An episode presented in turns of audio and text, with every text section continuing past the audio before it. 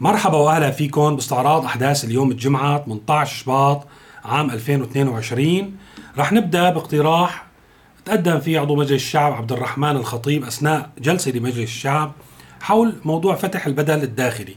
يلي ما بيعرف فيها نحن إنه لانت ما تخدم آه، عسكرية الخدمة الإلزامية أو الاحتياطية. بتدفع بدل خارجي في حال كنت أنت مسافر لحتى تعفى. هلأ عم بيقترحوا إنه أنت حتى بدون ما تسافر فيك تدفع البدل من داخل. سوريا وعم يسوق للقرار. طبعا هو الاقتراح من حيث المبدأ يعني ما في مشكلة.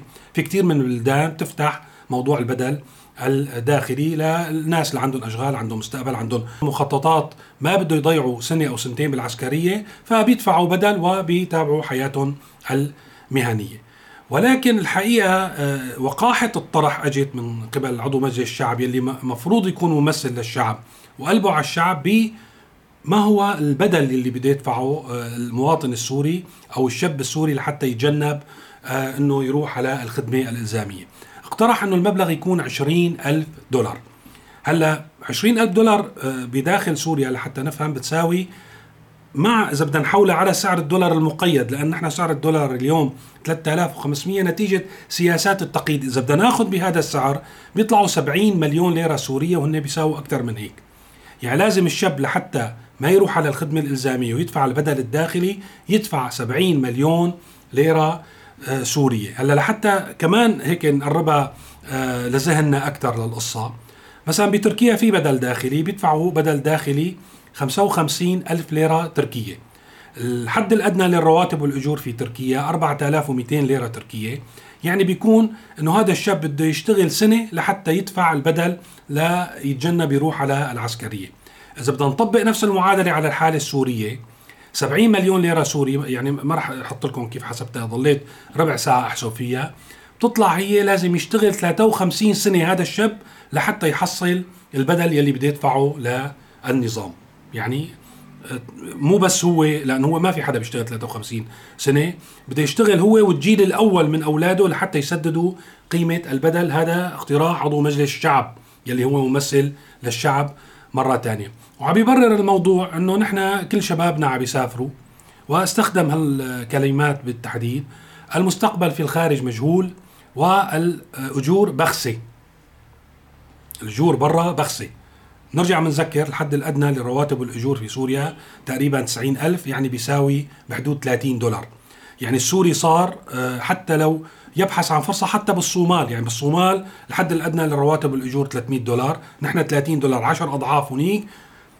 بيبحث السوري عن فرصة عمل بالصومال بيجي بيقول لنا إنه الأجور بخسة. يعني بتوقع نحن أقل الدول يعني أو من أدنى مرتبة في سلم الرواتب الأجور في كافة دول العالم.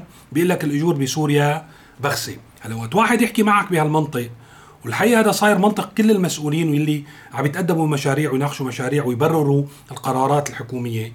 ويكون بعيد كثير عن هالواقع. بنقول المسؤول بعيد بس عضو مجلس الشعب كمان بعيد. طلع بعيد كمان. أنت ما فيك تفكر غير إنه هذا الشخص عم يسخر منك بالنهاية. يعني عم يتهكم منك وعم عم يسخر من أوجاعك وآلامك يعني. المستقبل برا مجهول والأجور بخسة. لحتى يزيد في وقاحة الموضوع إنه هو عم يقول أنا آه، يعني ما تقدمت بهذا الموضوع لحتى احمي الاغنياء لأن الأغنياء والفقراء عم يسفروا أولادهم. واستخدم عبارة الفقراء يعني أو مانن أغنياء إنه عم يبيعوا الفوقهم وتحتهم ليسفروا أولادهم. فعوض ما يعطوا هالمصاري للغريب يعطونا إياهم إلنا. يعني تخيلوا على هالمنطق عوض ما يرأفوا بحال هدول الموضوع. ليش هو من الطبيعي أساسا الواحد يبيع فوقه وتحته لحتى ابنه يروح أو ما يروح على العسكريه بتقلي إنه خلي يبيعوا يعني هو عم بيقول إنه الفقراء خلي يبيعوا إذا عندهم بيت عندهم ذهب إلى آخره ويعطونا إياه. يعني هذا موضوع تشليح رسمي سحق نهائي للسوريين. هلأ هون ما فينا ما نربط الموضوع. لأن دائما بيكون في تصرفات وقرارات. الحقيقة بنلف من دور من اليمين من اليسار لحتى نشوف شو تفسير هالقرارات. ما بيبين غير لحتى تطلع إجراءات لاحقة. ما بتخطر على بال الشياطين. هون بدنا نربط الموضوع بعرقلة إعطاء جوازات السفر.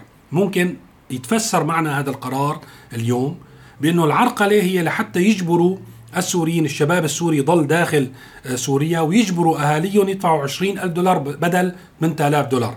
لأن حتى اللي عم يروح ما بالضرورة يدفع 8000 دولار. يعني نحن ما بدنا نعمل هالمقارنة. معظم الشباب اللي عم يسافروا ما عم يرجعوا ولا عم يدفعوا ولا بدهم يدفعوا. نسبة قليلة كتير يلي هي بتدفع. بدها ترجع لوين وشو بدها تعمل بسوريا؟ المستقبل مجهول برا. المستقبل مجهول جوا بسوريا فشو بده يرجع يسوي؟ فمعظم الشباب اللي عم يطلعوا يا عم يقدموا اللجوء يا ما بيرجعوا لسوريا. وبالتالي حسبوها ودفشوه. طبعا نحن ما في عضو مجلس الشعب يحكي من حاله. يعني نحن كلهم مرتبطين. يا مع الأمن يا مع الحزب يا مع الأسرة الحاكمة ما حدا بيحكي من من حاله.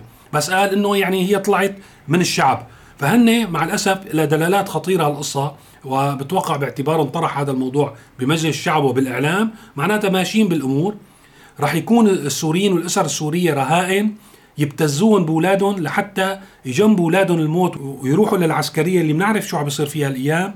لازم يبيعوا الفوقن والتحتن ويدفعوا 70 مليون ليرة سوري ليجنبوا كل ابن من أولادهم الموت.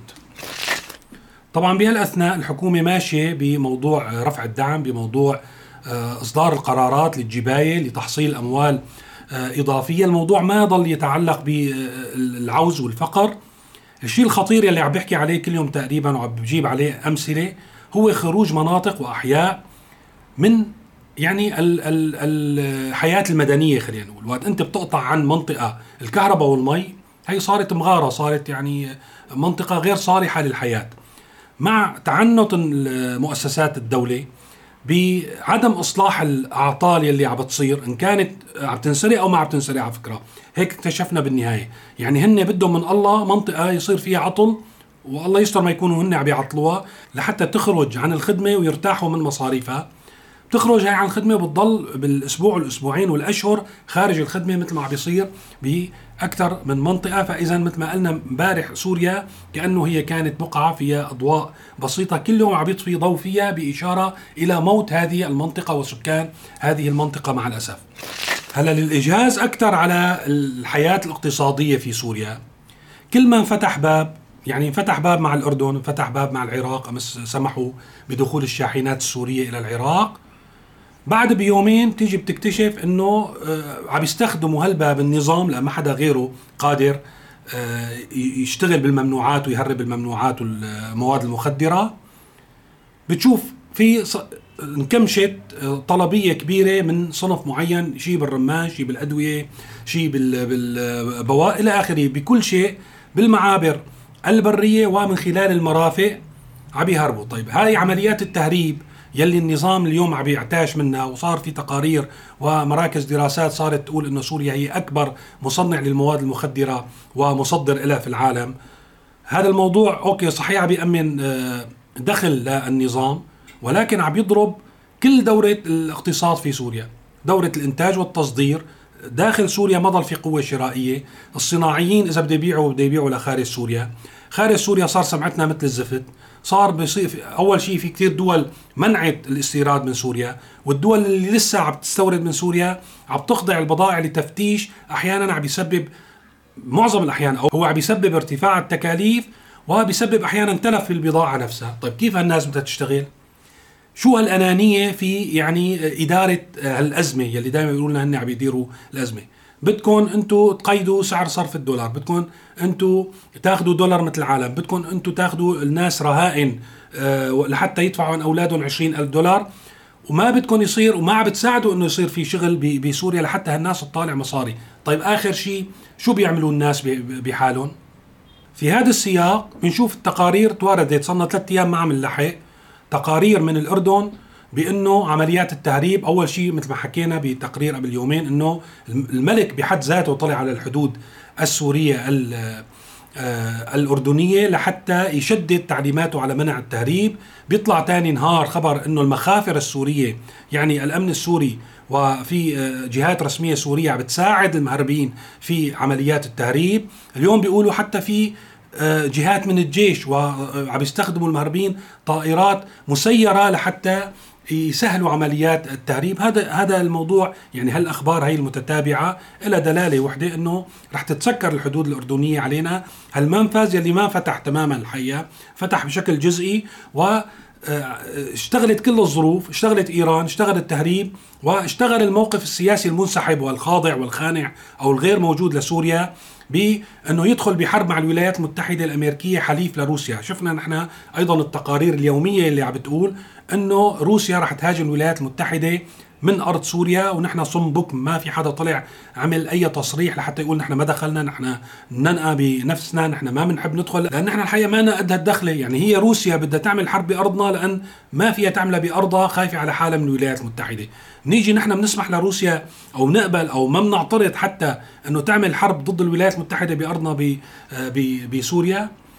هي من الأردن من العراق نفس الشيء. لسه ما فتحوا آه، الطريق على العراق. بعد يومين ثلاثة كمان بتطلع أخبار عن آه، يعني ضبط آه، كميات كبيرة من المواد المخدرة مصدرة بعلب تابعة ليونيفارما اللي هي شركة أدوية كبيرة في سوريا. فايضا تم القضاء على فرصة يعني أكيد بده يصير في تدقيق أو بده يصير في منع بعد هي الحادثة لتصدير على العراق. وبالتالي بنشوف إنه إصرار النظام على يعني الدخل من وراء هو دخل طبعا كبير وما ممكن نستغني عنه. ولكن في المقابل شو عم بيصير؟ عم بيقضي على كل الأمل وكل الفرص اللي ممكن يكون في أي صناعة أو تجارة في سوريا مع الأسف.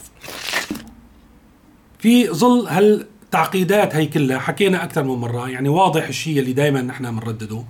إنه ما في حل بسوريا إلا ما يصير في حل سياسي إلا ما نطبق 2 2 5 4 إنه يكون في آه، سلطة آه، أو هيئة حكم انتقالية ويصير في تغيير أساسي ونرجع نضبضب هالمناطق كلها يلي عم تتفكك لسوريا ونشوف يعني شو بدهم بعدين يعملوا دستور مؤتمر تأسيسي إلى آخره. المهم إنه نحن الحل عنا بسوريا سياسي.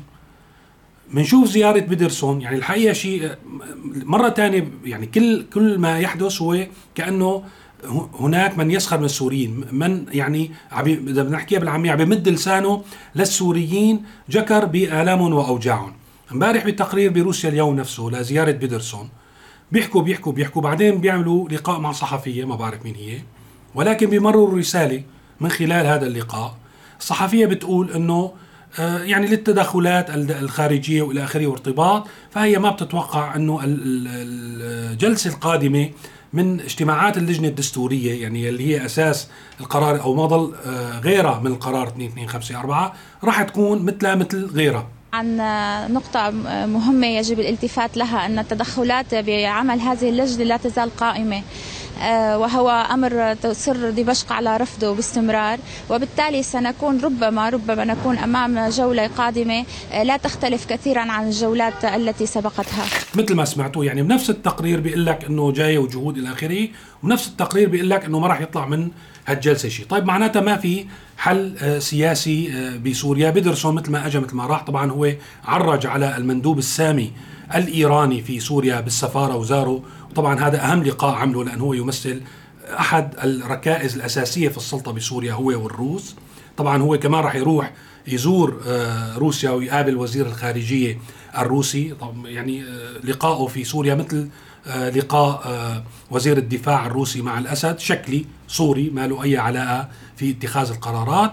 وراح طيب معناتها من خلال تقرير روسيا اليوم. الروس عم يقولوا لنا إنه أخي هالمسار كله ما له طعمة. وحتى في الإعلام الرسمي السوري من كل البرامج بتتابعها يلي عم يشتغل على تطبيق القرار 2254 يعتبر خائن وعميل. فبالتالي يعني هذا المسار ما أخذه النظام بشكل جدي وبالتالي ممكن يصير لأنه هو جزء منه.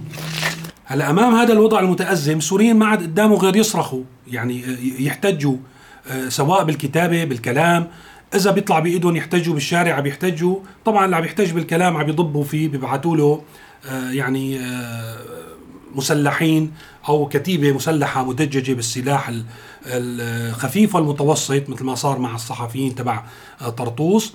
ويلي عم يخرج للاحتجاجات مثل ما عم بيصير بأهلنا بالسويدة دغري التهمة جاهزة بموضوع العمالة لإسرائيل والصهيونية. ولا بيرحموا ولا بيخلوا رحمة الله تنزل على العالم. طيب ماشي الحال. هاي آه، المجتمعات يلي انت حارمها من كل فرص من كل أمل حاصرتها بكل شيء. يعني إذا انت في حصار خارجي انت فرضت عليها حصار داخلي من خلال إنه انت مصر إنه تصنع المواد المخدرة وتنزع سمعة سوريا بحيث إنه ما حدا بقى آه، يستورد من عنا قشره بصلة. أنت مصر ما تعطي جوازات سفر للعالم لحتى تسافر وتشوف مستقبلها برا. بدك تخليهم جوات سوريا وتبتزهم وتاخذ من كل واحد 70 مليون ليرة سوري. طب هدول العالم شو بيطلع بإيدهم؟ غير إنه يحتجوا غير يحاولوا إنه يبقوا على قيد الحياة بأي طريقة كانت. طبعا نحن شفنا بالسويدة اليوم طبعا الجمعة كان في احتجاجات جددت الاحتجاجات بشكل أو بآخر. امبارح كان في زيارة لرئيس الطائفة الدرزية في آه، فلسطين آه، لروسيا وتم الاحتفاء فيه هناك ولكن من الطلبات اللي طلبها الحقيقة طلبات هي لازمة يعني هن دائما هيك بيصير في وضع إنساني سيء لا يمكن أنه ما يتم التدخل له خاصة إذا كانت هي المجتمعات بدنا نقولها من الأقليات ومرتبطة بعدة بلدان. بده يساعدوا بعضهم يعني هدول متعودين من آلاف السنين يسلكوا هذا السلوك. يعني إذا بدنا ناخذ أخوتنا الدروز بالجبل يعني هن ما بعمرهم بيتركوا هدول في لهم آه ارتباط آه يعني مرتبطين بشكل كبير بين بعضهم. ما ممكن يشوفوا جزء أو فئة منهم عم بتموت وما يتدخلوا. يعني هذا واقع. طيب النظام السوري من خلال فشله وتعنته بإنه يعمل حل سياسي من خلال إصراره على الأعمال غير الشرعية والتهريب وصناعة المخدرات قضى على الصناعة السورية. حاصر الشباب في سوريا لحتى يبتزهم وياخذ منهم آه، مصاري. طيب شو بيعملوا بحالهم؟ راح زعيم الروحي آه، موفق طريف يمكن اسمه ذهب إلى روسيا وطالب بطلبين. يعني هن يبدو عاديا إنه يفتحوا معبر لأن نحن المعبر الوحيد بين سوريا والأردن هو نصيب من درعا. بده يفتح معبر من السويدة للأردن وطالب بطلب آخر آه، هو إنه يكون للدروز مكانتهم وموقعهم في الدستور السوري القادم. هلأ واحد بيقرأ الطلبات بيقول يعني عادي ولكن هي الطلبات الحقيقة خطيرة ولا بنفس الوقت مضطرين عليها أهل السويداء إذا نحن ما بدنا نحقق الطلبات خلينا نقول شو دلالاتها وتقول أنت تفتح معبر مع الأردن معناتها أنت مديت إيدك لجهه خارجية لحتى تخلي الناس صامدين بشكل إنساني. من هالمعبر الإنساني مثل ما عم بيصير بكل المناطق الحقيقة ممكن يدخل أي مشروع بدك إياه. مشروع إسرائيلي مشروع أمريكي أي مشروع ممكن يدخل من خلال هالمساعدات الإنسانية اللازمة والضرورية واللي ما ما عاد فينا بلاها. وقت بيقول لك إنه يدخل بالدستور أو نعزز بالدستور مكانة الدروز آه، في الدستور المقبل معناتها ربطوا مستقبل هذه المنطقة بالقرار الدولي. وحتى إذا تم صياغة الدستور مكانة خاصة للدستور معناتها أنه يحافظوا هن على نوع من الحكم الذاتي في آه، السويداء لأن اللي تعرضوا له مو قليل بالنهاية نفس الشيء هو نفس الخطاب المستخدم في شمال شرق سوريا في إدلب في كل المناطق أنه يا أخي ما عاد هن آه، يأمنوا يرجعوا لسلطة مركزية تعمل فيهم يلي انعمل.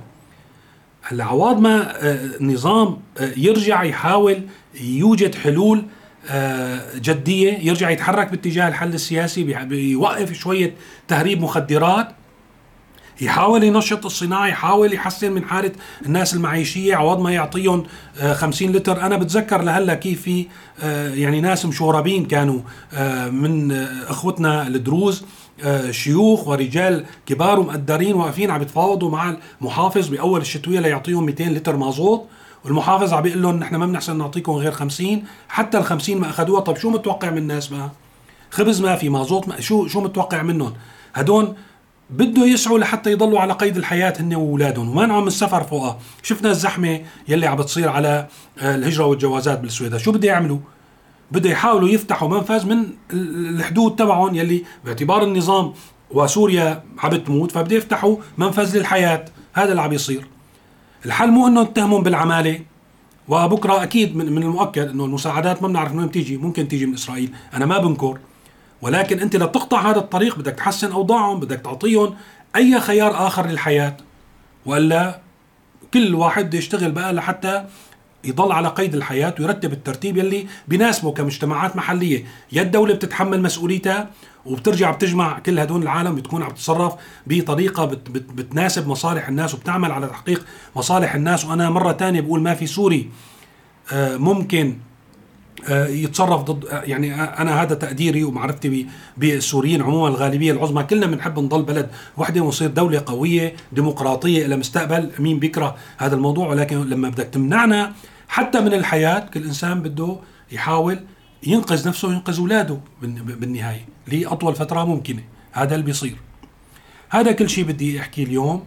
آه شكرا لمتابعتكم. فيكم طبعا تشوفوا أخبار أكثر على موقع سيريا نيوز أو شبكات التواصل الاجتماعي المرتبطة فيه. بتشوفوها برابط بصندوق الوصف. شكرا لكل المتابعين والمشتركين في القناة والمنتسبين إلى عضوية القناة. وإلى اللقاء بتسجيل قريب.